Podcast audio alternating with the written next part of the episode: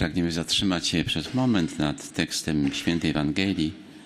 Wczoraj kontemplowaliśmy spotkanie anioła z Maryją, kiedy otrzymała tę wieść, że stanie się matką Bożego Syna. I dzisiaj widzimy tę Maryję, która nie kontempluje tego, kim jest, co otrzymała, nie jest zapatrzona w swoje bogactwa, ale patrzy na tych, którzy potrzebują jej obecności i słowa. Ewangelista mówi, że Maryja wybrała się i poszła z pośpiechem. Wybrała się, czyli podjęła decyzję. Dała słowo, obiecała, podjęła jakiś zamysł, ale przy zamyśle nie pozostała. Ona ten zamysł realizowała. Bywa jednak, że często podejmujemy decyzje, nie realizując je. Wyrażamy wielkie, szlachetne pragnienia, których nie dopełniamy, nie wprowadzamy w życie. Maryja nie tylko obrała swój cel, ale poszła. Poszła. Chciała go realizować. Ewangelista mówi, że weszła do domu Zachariasza. Jakże ważne to, co zrobiła. Weszła do domu, wejść do środka, wejść w życie drugiej osoby, wejść w jej historię. Wtedy tylko, kiedy jestem w środku, mogę poznawać, kim jest ów drugi, czego potrzebuje, na co oczekuje, jaką pomoc, pomoc, pomoc mogę mu przynieść, wejść w historię. O wiele łatwiej ewentualnie oceniać kogoś z zewnątrz, niż wtedy, kiedy potrafię wejść, utożsamić się z jego życiem, stać się jednym z nim, aby, te, aby pomagać mu w sposób mądry, właściwy. Inaczej mówiąc, Maria stała się uczestnikiem wydarzeń, które dokonywały się w domu Zachariasza. Ona wchodzi również i w moje życie, do środka. Tylko właśnie wtedy, kiedy jestem w środku y, drugiej, życia drugiej osoby, ale w środku różnego rodzaju innych zdarzeń, kiedy jestem w środku Kościoła, wtedy mogę ten Kościół ukochać, oczyszczać, upiększać, doskonalić. Ewangelista mówi, że weszła do środka, e, zanim weszła do domu, wybrała się w góry. Wejście w życie drugiej osoby, wejście nawet do miłości Kościoła nie jest rzeczą łatwą. Wymaga pewnego wysiłku, pewnego wspinania się, jakiegoś rodzaju taternictwa, wchodzenia w górę.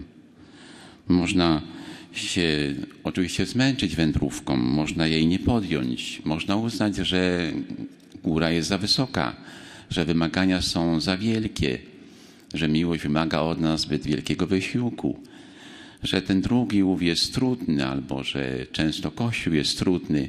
Więc dlatego tej wędrówki można nie podjąć. Ale tylko wtedy, kiedy ją podejmę, mogę wejść i odnowić moje życie.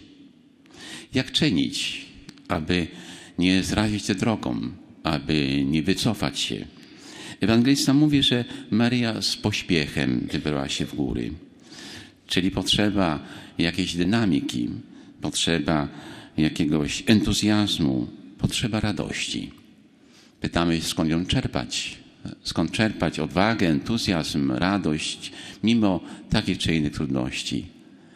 Wiara powie, że miłość daje skrzydła, że ona nie tylko miłość motywuje, ustawia, kierunkuje nasze życie, ale daje naszemu życiu jakieś skrzydła i wtedy łatwo wznosić się na wyżyny różnych wymagań.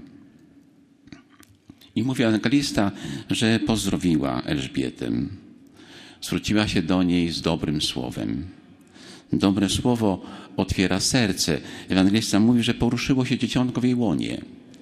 Dobre słowo czyni cuda dobre słowo pozdrowienia, słowo, które odradza do nadziei, przywraca sens życia, przywraca dobre relacje, buduje lub odbudowuje przyjaźnie. Ileż można uczynić dobrym słowem.